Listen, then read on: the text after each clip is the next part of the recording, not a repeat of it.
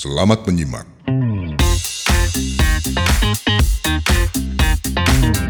Ngotaks, ngobrol dan talk show. Open your mic, buddy.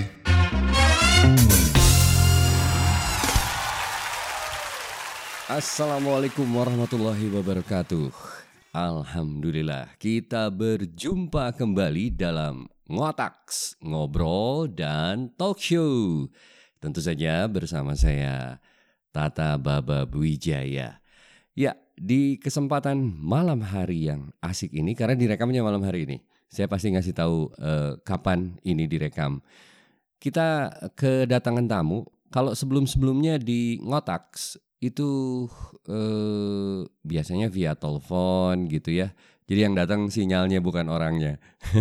Kali ini eh, saya berkesempatan untuk ngobrol langsung, ngobrol langsung sama narasumbernya dan hmm, tentu dengan protokol kesehatan. Ya kita tahu bahwa kita masih berada dalam suasana pandemi COVID-19 Semoga cepat berakhir, semoga bisa normal kembali dan kita bisa uh, memanfaatkan jarak itu dengan sebaik-baiknya karena selama ini wah jarak terpisah luar biasa dan itu berefek pada banyak hal.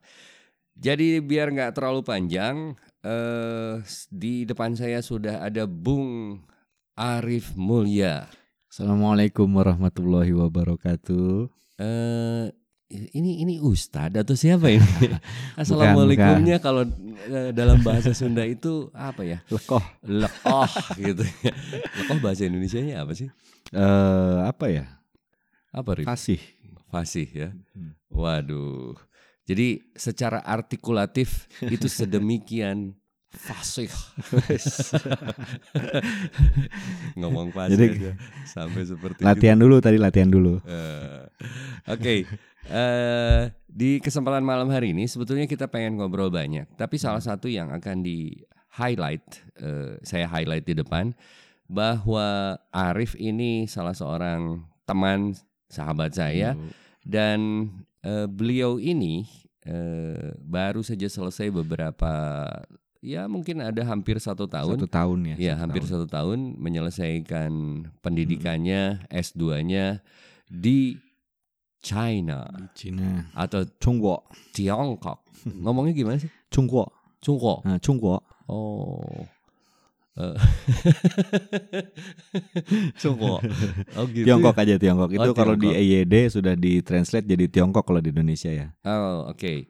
Eh dalam bahasa Indonesia itu Republik Rakyat Chi- China. Republik ya. Rakyat China. Oke. Tapi sekarang mereka dikenal dengan sebutan Tiongkok. Tiongkok. Ya, eh barangkali memang ada kata-kata yang eh, katanya ini hadis ya. Eh, belajarlah sampai ke negeri Cina. Eh, meskipun jadi menarik ini ya. Eh, ada beberapa yang setuju, ada yang mengatakan apa dan apa. Tapi malam hari ini kita tidak membahas itu, eh, apalagi membahas kontroversinya, karena realitanya saat ini kita, negara kita, rakyat Indonesia, bahkan rakyat di dunia sangat mudah sekali menemukan karya-karya eh, teman-teman di Cina ya, Ya. atau teman-teman di Tiongkok. di Tiongkok. Jadi realitanya ya, ya begitulah gitu. Eh, Ya. Jadi sekali lagi kita akan langsung bicara soal pengalaman teman saya ini, Arif, ketika kuliah di Wis. eh, Tiongkok. Mulai dari mana nih? Mulai dari mana nih anak ini? Dulu S1 Dari- di mana sih? Dulu S1-nya tuh sebenarnya di Seni Rupa ITB, FSRD ITB. FSRD. Ya, dari FSRD ITB hijrah. Hmm. Terus udah gitu akhirnya eh, ya karena mungkin satu dan lain hal ya. Kita eh, ini belak-belakan aja ya berarti di sini ya. Jadi dulu kan ceritanya Oh, dari tidur, lulus ini belak-belakan. dari, dari lulus Blak. Lalu dia tidur. ya lulus dari kuliah Mm-mm. eh, sempat langsung menikah dan kemudian ternyata Oh Arif udah menikah? sudah dong sudah Saya tidak sudah nggak single lagi nih. Nggak, nggak akan saya bahas. Nanti istrinya nggak bisa dengar. Wih. jangan Ya, dengar, jangan dengar aduh. saya. Enggak enggak kayaknya enggak denger ini. Hmm, hmm, hmm, hmm. Oke, nah terus kemudian ternyata berkiprah di dunia seni rupa itu mungkin untuk yang eh, fresh grade dan langsung menikah itu kurang begitu eh, menjanjikan ya karena mungkin sayanya juga pada saat itu Ini belum telinga saya yang salah apa enggak? Tadi bilangnya fresh grade apa fresh graduate? fresh graduate fresh, Fresh graduate, graduate, ya. ya fresh graduate Fresh Dunya graduate dari- kedengeran. oke Do dulu dong. biasanya Do. biar gaya fresh grade aja fresh grade Wow. Oh, fresh grade fresh di grade ini ya, di zip ya. di zip fresh Eh, grade artikulasinya fresh grade. Nah, nah kemudian dari situ eh, pikir-pikir ah berarti kita harus mulai bisnis nih. Oke, mulai bisnis ternyata tidak berjalan dengan lancar Mm-mm. sehingga harus eh, tutup. Nah, kemudian dari situ mulai berpikir, oh berarti saya harus belajar, belajar dari tempat yang di mana di situ eh, masalah bisnis, masalah perdagangan Mm-mm. sudah lama ya kita udah kenal produk-produk Cina. Siapa sih yang nggak kenal produk Cina sekarang di dunia kan? Udah menyebar sampai bahkan kalau kita mau nyari di Alaska pun nggak ada made in China di sana. Sampai Jadi kalau ada istilah menyebar, mengakar, mengakar. Nah itu produk Cina tuh udah. Nah berarti kan di situ eh, kita melihat bahwa wah Cina ini adalah sebuah negara yang eh, sangat mumpuni untuk memproduksi barang-barang dan memang dia tahu market, dia tahu apa yang kira-kira bakal dibeli oleh masyarakat di seluruh dunia. Karena itu saya pikir itu tempat yang tepat buat saya buat eh, kalau mau lebih menguasai masalah bisnis maka saya harus belajar ke sana pada saat itu. Nah, ini talk self nih, talk self. Oh. Belum ditanya, wow panjang Iya, jawabannya. baiklah, baiklah, baiklah. Itulah asiknya kalau sama Kurang. Arif. Jadi sentuh sedikit. Itu kalau saya masih ingat sekali. Remnya blong. eh, itu ada istilah biologi dulu waktu saya kecil, eh waktu saya sekolah ya. Hmm. Itu iritabilita, peka terhadap perangsang. Jadi hanya perlu sentuhan sedikit Eh. saja, itu sudah touch everything. Oke. Okay, Kalau kebanyakan jadinya latah ya. Ayam, hmm, ayam, ayam, ayam, ayam, ayam, ayam, ayam. ayam. uh, gini, ini agak anomali ya.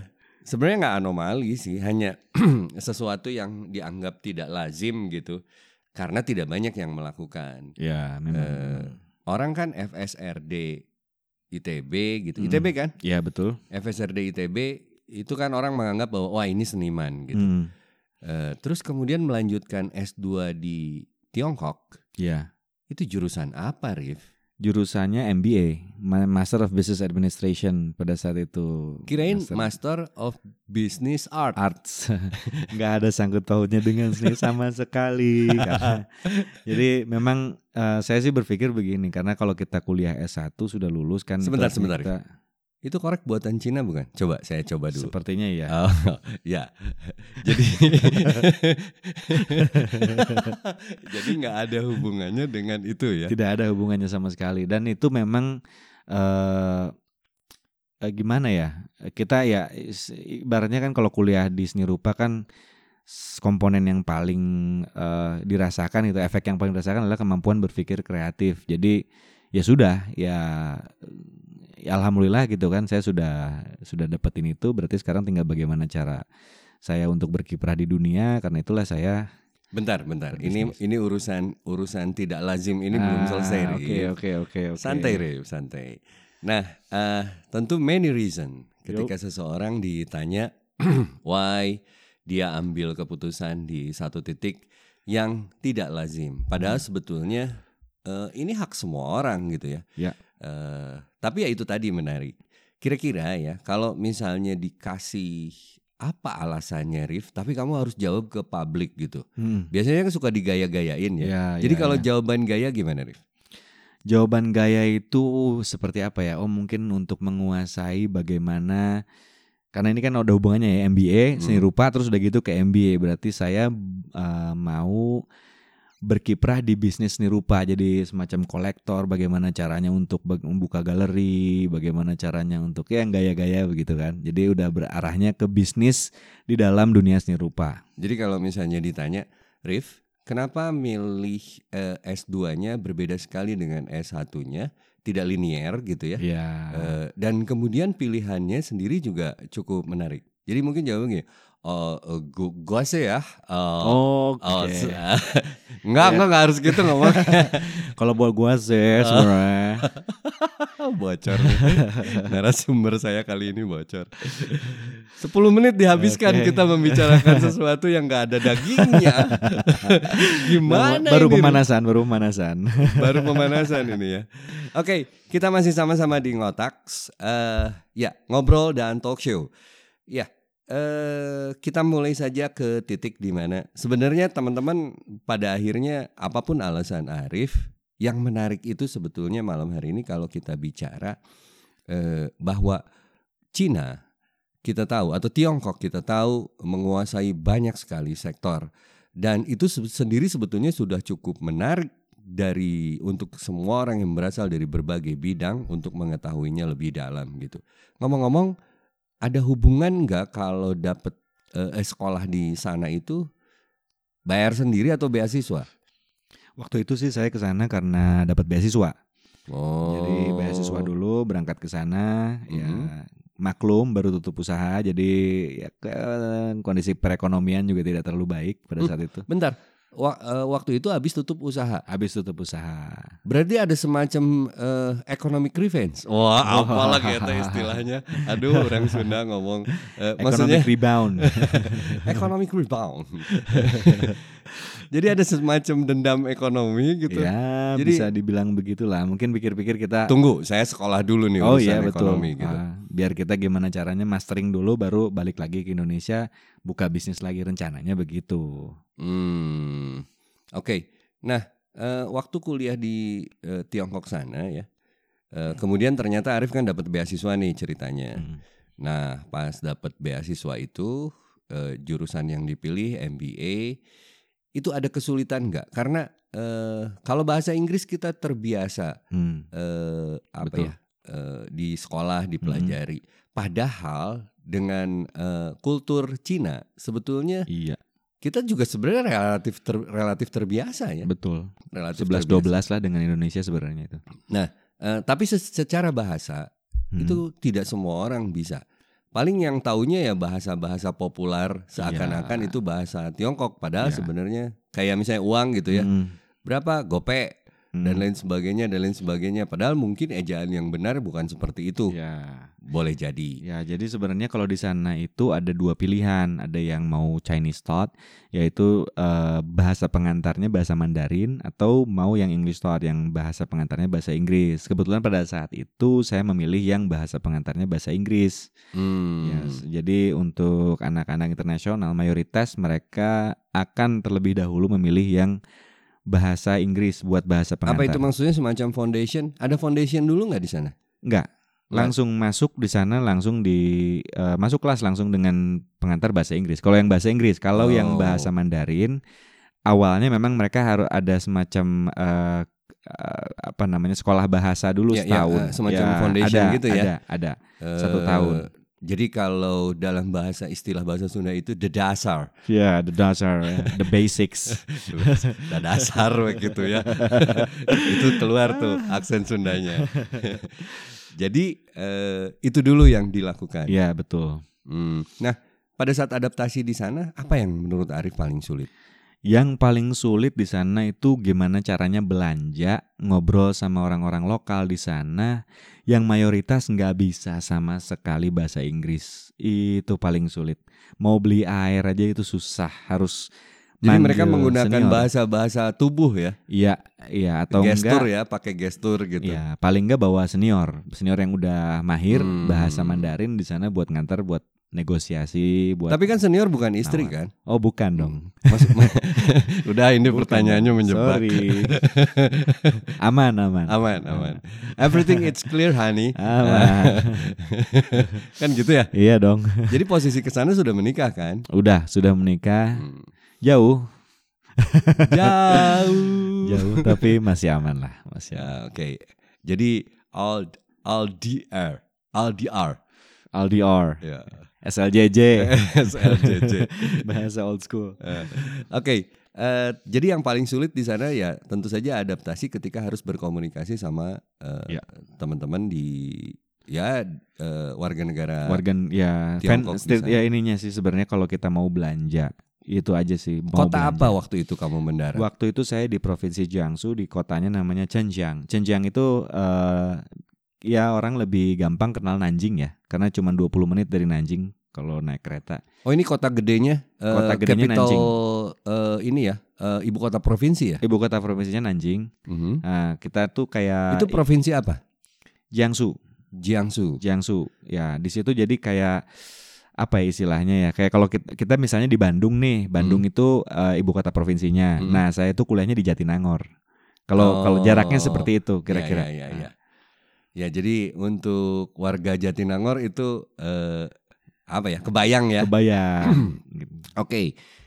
Ngomong-ngomong, pas pertama kali ke sana, tetap kan memang pakai bahasa Inggris. ya. Tapi kata apa pertama yang paling berkesan dalam bahasa Cina? yang paling Atau kalimat berkesan. yang menurut Arif ini ini kalimat pertama saya. Oh Ingat sebenarnya paling awal itu ni hao. Ni hao.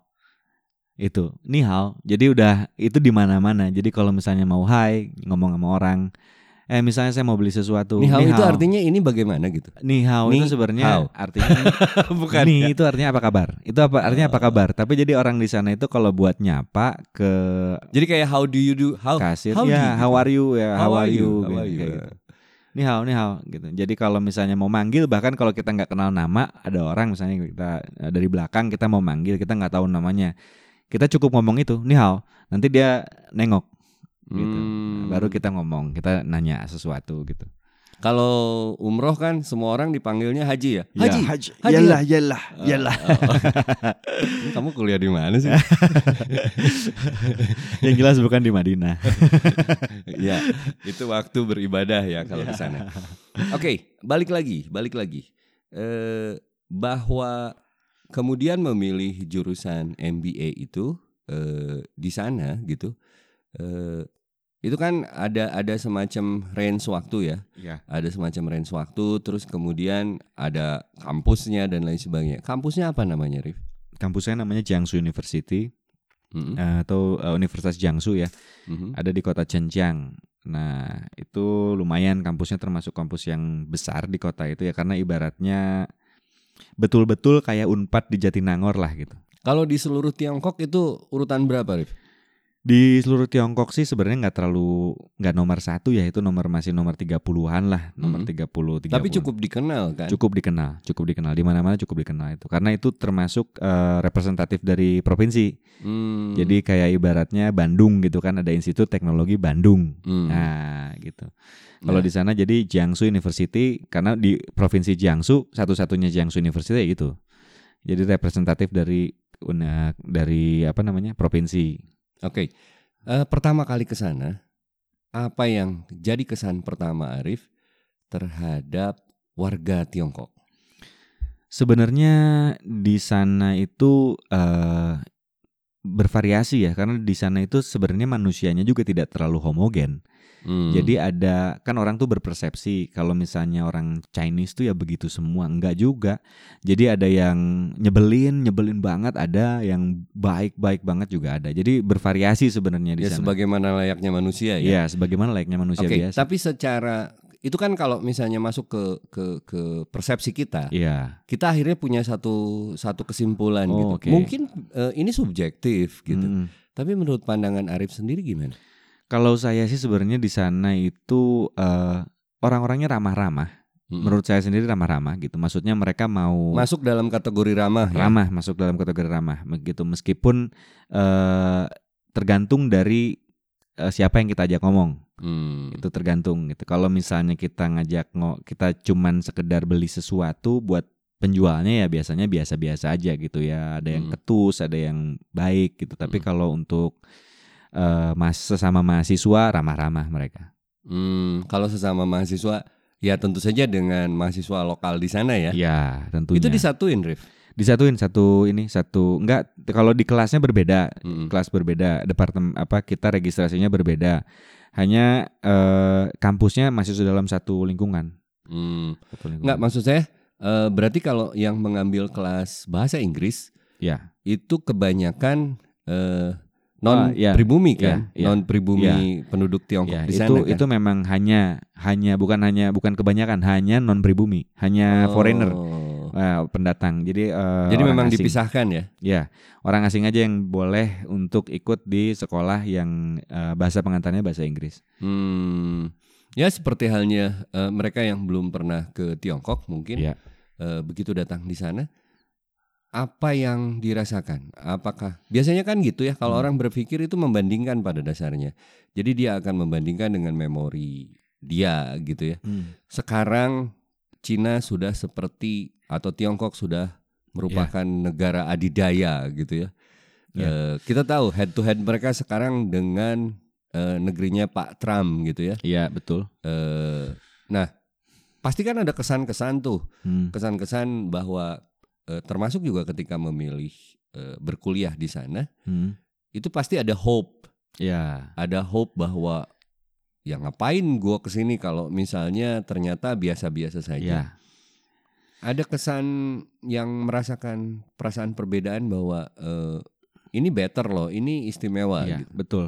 Jadi kalau di sana itu eh, pertama dari cara hidup ya, Dari sana. Di sana kan eh, kebanyakan orang tuh udah mulai adaptasi dengan eh, bukan masa bukan adaptasi lagi, sudah absorbing cashless. Jadi mereka ke mana-mana sebelum kita di sini kenal ada namanya GoPay, ada namanya Mm. OVO. Di sana kita ada namanya Alipay, ada yang namanya eh, Wech- Podcast kita ada tokeknya, iya. keren keren. WeChat Pay gitu. Nah, Ya. itu jadi eh, bayar segala sesuatu sampai pengemis itu mereka punya QR code yang bisa di-scan, yang bisa kemudian kita kirim uang. Untuk belanja juga begitu di minimarket, di supermarket, mau di bahkan di street vendor sekalipun, mereka punya. Jadi kita tinggal nggak saya di sana terus terang kalau buat bawa cash itu kalau mau naik bus aja. Kalau seandainya saya lupa bawa kartu, jadi saya masih bisa masukin koin. Mm-mm. Hanya itu gitu. Sisanya saya udah terbiasa untuk nggak pakai cash di sana. Jadi udah betul-betul antar transfer transfer. eh, Oke. Ya. Oke, berarti kesan yang pertama itu adalah Cashless. teknologi ya. Ya teknologi. Teknologi. Teknologinya. Ya artinya kan tidak hanya dalam konteks transaksi saja, tapi juga Betul. sepertinya kalau konteks transaksi sudah seperti itu, ya hal-hal yang dianggap teknologi sebelumnya tentu sudah sudah Hmm. sudah available ya, sudah tersedia ya. Ya. Sudah tersedia di sana. Jadi memang modern itu kerasa banget di Iya, sana. betul. Belum lagi untuk masalah eh, apa kendaraan bermotor. Hmm. Di sana kan orang-orang udah sangat eh, mem- udah udah hanya memakai e-bike. Jadi saya sangat jarang, mungkin hitungannya satu kali dalam sehari, cuman ngelihat eh, ada ada mobil apa ada motor yang pakai petrol ya, pakai bensin. Hmm. Sisanya e-bike semua. Udah pakai elek- elektrik semua, Jadi motor listrik semua ya. motor listrik semua dan ngecasnya di sana di mana-mana gampang. Jadi ada depot-depot ngecasnya juga. Bayar tapi kan. Bayar, bayar. Satu yuan itu sekitar 2000 ru- rupiah untuk 10 menit dan itu cukup sebenarnya untuk ngisi setengah dari baterai motor itu. Jadi kalau orang-orang di Bandung, cik ah ngiring nyetrum. Ya, model begitu. Betul, betul. Pas banget kayak gitu banget. Jadi sebetulnya secara kultur nggak nggak ada nggak terlalu banyak beda dari cara mereka berkomunikasi ya dan Iya. lain sebagainya. Betul. Tetapi yang paling pasti yang bisa dilihat itu adalah eh, soal teknologi. Teknologi. Eh, kesan pertama teknologi itu terasa sekali. Iya. Jamnya serem gini ya, deng deng deng deng, asik, nggak apa-apa keren ini. Saya suka ini sama suara-suara alami sorry seperti ya. ini. Asik banget ini. Iya, iya, iya. Ya, dan di kesempatan kali ini juga eh, dari hasil obrolan tadi, Arif bilang bahwa eh, di Tiongkok itu teknologinya sudah sangat terasa. Jadi kalau menurut Arif, Iya. sebetulnya mereka sudah pantas enggak eh, terlihat sebagai negeri adidaya gitu. Sebenarnya sejujur-jujurnya iya, sudah. Sudah, Sejujurnya sudah. Ya, karena eh, pertama yang saya yang saya jelas banget perhatikan tuh di sana adalah masyarakatnya pun mau bekerja sama dengan pemerintah. Artinya dalam Hmm. dalam artian kalau misalnya pemerintah meng- eh, memberikan eh, semacam Loh, bukan di sana di sana itu kan lah. Eh, sangat powerful Iya. pemerintahnya. Iya, Dengan sistem pemerintahan yang mereka pilih, iya. kan sebetulnya nggak ada opsi. Betul, cuman di sana kan tetap aja bisa dong kalau misalnya ada eh, taruhlah eh, pem- orang-orang masih mau pakai cash pun masih bisa. Artinya di situ tidak ada Hmm. larangan untuk memakai cash. Hanya eh, jadi ketika ada promo dari pemerintah untuk eh ayo kita sama-sama make eh, Alipay aja lah gitu. Kita Hmm. mari untuk lebih convenient, untuk lebih praktis dan lain segala macam. Masyarakatnya tuh langsung ayo oke, siap kita sama-sama maju. Gitu dan eh, hal-hal semacam antrian dan lain sebagainya itu sudah mulai eh, ik- terasa betul ya. Jadi dulu sempat ada tempat-tempat di mana ngantrinya tuh nggak begitu pas saya datang ke sana. Hmm. Antriannya nggak rapi, jadi banyak orang yang masih suka nyerobot. Nah, cuman beberapa waktu kemudian dibikin peraturan, akhirnya orang jadi ngantrinya jadi lebih rapi. Hal-hal seperti itu tuh terasa eh, perubahannya itu tidak dalam waktu yang lama. Itu yang juga sangat amat menarik gitu di situ. Hmm. Apa karena memang sistem mereka sebelumnya sudah terbiasa bahwa eh, ya semacam ada otorisasi yang lebih ya. Hmm. Kan kalau kita eh, secara sistem itu lebih demokratik gitu ya. Betul. Eh, lebih lebih ini ya. Hmm, artinya sementara mereka kan menggunakan sistem yang kita tahu eh, di mana pe- pemerintah itu betul-betul mewakili sebuah eh, kekuasaan Hmm. eh, ya dengan tujuan-tujuan yang semua negara punya tujuan baik untuk untuk untuk rakyatnya ya. Cuma persoalannya ketika itu diperbandingkan dengan negara-negara lain, ya itu yang sering kali nanti Ya. menjadi persoalan karena ini menjadi menjadi Hmm. pilihan gitu. Nah, eh, berarti kalau gitu eh, mereka itu dengan sistem yang mereka eh, anut gitu, masyarakatnya sudah relatif siap ya. Ya, dan karena begini, jadi eh, perubahan pembangunan itu betul-betul terasa. Mm-mm. Jadi jalan-jalannya bagus, eh, yang seperti itu tuh udah eh, gimana ya? Jadi kita sebagai masyarakat, ya karena saya melihat di situ ya, masyarakat masyarakatnya juga merasa ah ya saya mengikuti pemerintah itu nggak salah karena memang terasa buat saya perubahannya, perbedaannya, kemajuan itu betul-betul real. Jadi nggak hanya janji, terus kemudian eh, implementasinya ya nggak tahu kapan gitu. Kalau di Hmm. sana betul-betul eh, terasa betul. Persoalan hukum di sana gimana? Ah, untuk persoalan hukum cukup ketat. eh, Apa hanya sangat strict gitu? ya, tapi agak sedikit aneh untuk saya karena ada beberapa. Jadi misalnya ada kasus-kasus tertentu yang didendanya lebih kecil daripada kasus yang lain yang sebenarnya kasus yang lain itu lebih ber- lebih lebih, ringan, sebenarnya. Ya, Nah, jadi jadi ada kasus satu kasus yang lumayan berat misalnya orang nyerempet eh, ibu-ibu dan ibu-ibunya jatuh. Hmm. Kemudian orang tersebut eh, akhirnya ditangkap dan kemudian harus akhirnya denda, dibayar Hmm. denda. Hmm. Dendanya itu lebih sedikit da- eh, daripada orang yang misalnya eh, ngambil atau enggak ngerusak properti publik ya, misalnya kayak nggak sengaja nabrak apa ya ibaratnya pemba- eh, nabrak bukan- benteng atau ya apalah yang, yang gitu milik ya, Yang milik pagar yang pemerintah eh, yang, ya eh, publik ya, Ya, yang, yang ya, seperti itu. publik. Hmm. Jadi jadi memang ada sedikit eh, saya sih melihatnya di situ eh, mungkin ha- harus dibenahi di wilayah hukum memang mereka harus berbenah juga. Hmm. Jadi eh, tetap saja kesan beberapa hal yang dianggap tidak adil tetap ada ya. Tetap Padahal ada. mereka sangat sangat strict ya. Mereka sangat strict di satu sisi sangat strict tapi di sisi lain mereka nggak terlalu saya sih melihat gitu ini eh, secara objektif ya Hmm. eh, dan subjektif juga secara bersamaan saya melihat mereka tidak terlalu eh, apa ya ambil pusing di urusan se- segala hal yang ada di masyarakat di sana. Hmm. Jadi ada ada ada ada sense eh, lebih individualis kalau begitu. Lebih individualis memang. Oh, oke. Jadi ibaratnya begini, eh, kalau ada orang tabrakan di jalan, mereka nggak akan langsung pindah, mereka akan tetap stay di situ sampai polisi datang, sampai polisi melihat posisi mobilnya bagaimana dan kemudian eh, ya udah dilaporin polisi semua, eh, ibaratnya apa, melihat olah TKP ya, olah Mhm. TKP di sana, baru dia mereka mindahin mobil. Dampaknya apa? Dampaknya yang di belakang itu harus ngalah ke kondisi itu, akhirnya macet. Sebenarnya kan kalau dari sisi keselamatan ya, Hmm. kan eh, eh, eh, tidak ada refleks langsung untuk menolong. Ya, itu juga. Tapi itu eh, sebenarnya beralasan karena sering kali ada fraud di sana, penipuan untuk mendapatkan uh, jadi orang-orang mau uh, pura-pura pura-pura Hmm. jatuh, pura-pura sakit sehingga ditolong sama sama orang dan kemudian dia bawa ke rumah sakit. Terus yang sakitnya itu apa? Didete- Dideteksi ternyata banyak sakitnya dan harus bayar itu orang yang nganter. Oh. Pada akhirnya orang yang nganter kena.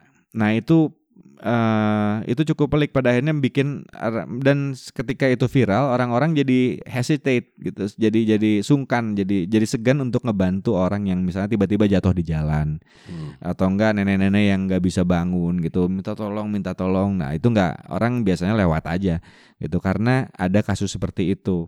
Hmm. Nah, tahun 2019 itu kalau nggak salah di Guangzhou ya saya agak agak, agak lupa eh itu di revoke lagi arti eh, apa sih istilahnya tuh heroism act gitu apa gitu jadi itu untuk untuk bikin untuk encourage orang-orang untuk saling menolong nggak masalah nanti eh saya nanti mereka tidak akan dibebankan jadi gimana gimana? jadi tidak akan tidak jadi baru begini kalau kita nolong orang terus masukin bawa ke rumah sakit yang nolongnya tidak akan dibebankan lagi biaya gitu Hmm. seperti akan ada pertolongan hukum lah di situ Oke. untuk untuk ma- mengidentifik untuk apa namanya eh, menyelidiki lebih lanjut Mhm, mhm. Nah, sekarang gini, ini pertanyaannya rada-rada menyebalkan. ya Katakanlah Arif sudah berada di sana gitu ya, Betul. Eh, sudah berpengalaman di sana.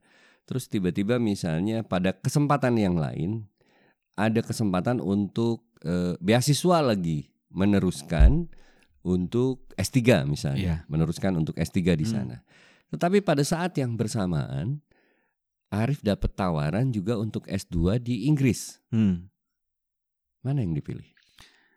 sejujurnya saya bakal milih eh di Cina lagi Kenapa? Ini aneh nih. ya pertama karena saya sudah terbiasa Hmm. jadi udah familiar sekali dengan karena udah tiga setengah tahun saya di sana plus belajar bahasa setahun jadi sudah sangat terbiasa dengan orang-orangnya seperti apa dengan eh, makanan-makanannya dengan berbagai hal lah yang ada di sana gitu Mhm, itu sudah sudah terbiasa yang pertama itu Mhm. eh dan mereka untuk orang-orang Asia seperti saya Asia Tenggara gitu Mhm. Tidak terlalu eh, indifferent sikap mereka tuh biasa saja nggak seperti mereka melihat orang-orang dari Pakistan orang-orang dari India orang-orang dari Afrika Jadi lebih lebih terasa bers- lebih bersahabat. lebih ya? bersahabat lebih bersahabat menganggap kita ini ya udah sama aja dengan mereka. Nah Hmm. kalau misalnya mereka melihat orang kan di sana tuh banyak orang-orang teman-teman dari Afrika yang mengeluhkan perlakuan yang berbeda dari orang-orang Cina di sana karena mereka berkulit hitam dan Mhm. Eh, di masyarakat homogen seperti Cina memang untuk eh, kedatangan orang-orang yang berbeda secara penampilan fisik berbeda secara drastis itu kan eh, butuh adaptasi buat mereka untuk menerima itu mungkin kalau di film mereka bisa melihat tapi begitu pas ketemu langsung kan jadi agak ada sedikit kagetnya Oke, nah oke. gitu. Sekarang gini pertanyaannya, ya Eh, gimana rasanya berada di sini ya? Eh, artinya eh, heterogen mana berada eh, suasananya ya Hmm. di Indonesia dengan di Cina? Kita bicara heterogenitas. heterogen di Indonesia jelas itu jelas di Indonesia lebih heterogen Hmm. kita pertama punya di sana mayoritas itu Han. Jadi Hmm. suku suku di Cina itu ada sekitar 50-an, 52 kalau nggak salah, Hmm. 52 etnik, etnik Hmm. groups. Dan yang mayoritas 90% itu dipegang oleh etnik Han. Artinya begini, kalau di Kalau sana di sini ya. menjadi lebih sulit menemukan eh, suku di luar suku Han. Iya, betul. Itu serius. Serius itu serius, sangat sulit dan kecuali orang-orang yang memang mereka punya atribut khusus ya seperti orang-orang Hui. Orang-orang Hui itu muslim. Mereka sebenarnya branchnya masih dari orang Han, tapi karena ada eh, sejarah ancient history-nya mereka muslim, Mhm. jadi mereka disebutnya suku Hui. Hmm. Mereka tetap sama seperti orang Han, hanya mereka ke mana-mana biasanya pakai peci putih. Mhm. Jadi kalau kita bisa langsung ngelihat hanya Hmm. ya dari dari dari seperti itu memang kelihatan. Tapi kalau yang eh, yang kalau mereka udah pakai pakaian bebas sudah nggak kelihatan lagi, udah susah. Artinya gini ya, eh, satu hal ketika Arif tiga setengah tahun berada di sana, Hmm, itu tetap di Indonesia lebih terasa heterogen. betul. Eh, meskipun di Cina sendiri juga bukan tidak ada perbedaan, Ya. eh, tetapi rasa itu tetap terasa ya. Iya. Berarti kalau gitu seru hidup di mana dong? Sebenarnya kalau misalnya ini eh, terus terang kalau misalnya di sana kebebasan kita ya di kalau kita lebih dibebasin dalam dalam hal berpendapat, kalau kita lebih dibebasin dalam hal eh, beribadah, peribadatan dan lain sebagainya lebih enak di sana. Hmm. Kalau misalnya di sana dibebasin ya, artinya di situ eh, itu itu perubahan Artinya yang gini, sangat drastis. artinya gini, kebebasan yang dirasakan di Indonesia saat ini ya, itu katakanlah diberlakukan di Cina ya betul. atau di Tiongkok. Ya. Itu hidup jadi jauh lebih enak. Hidup jadi jauh lebih enak. Oke. Tetapi kalau mau jujur-jujuran, Ya. kayaknya enak di mana nih? Eh terus terang sih di Indonesia ya. terus terang di Indonesia. Kalau sekarang, kalau sekarang, karena pertama di sini kesempatannya lebih luas.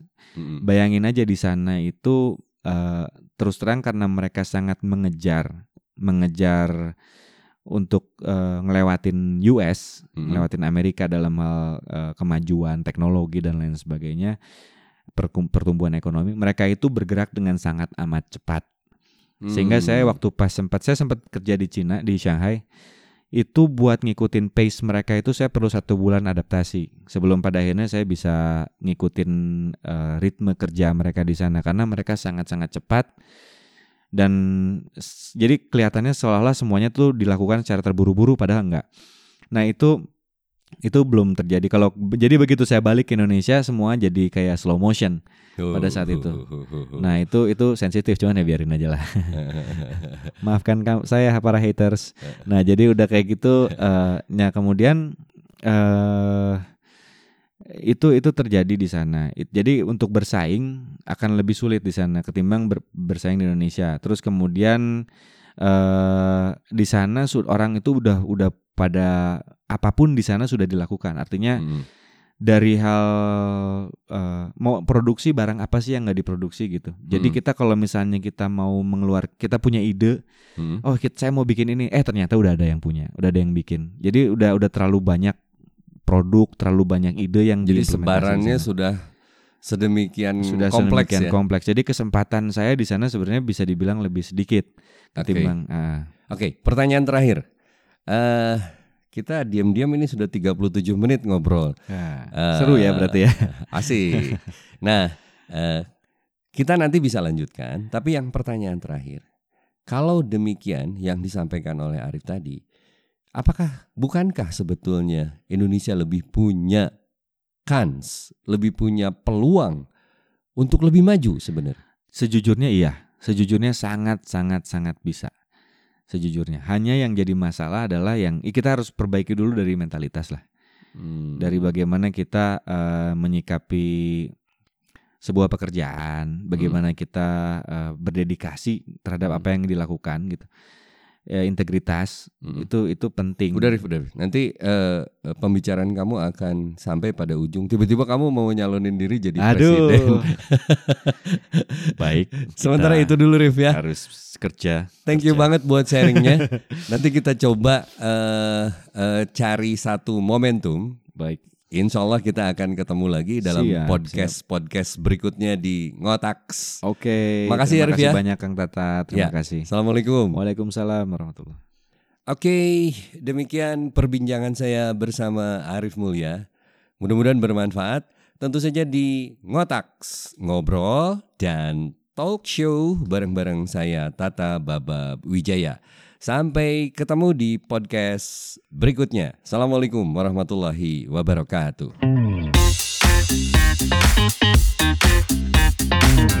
Ngotaks, ngobrol dan talk show.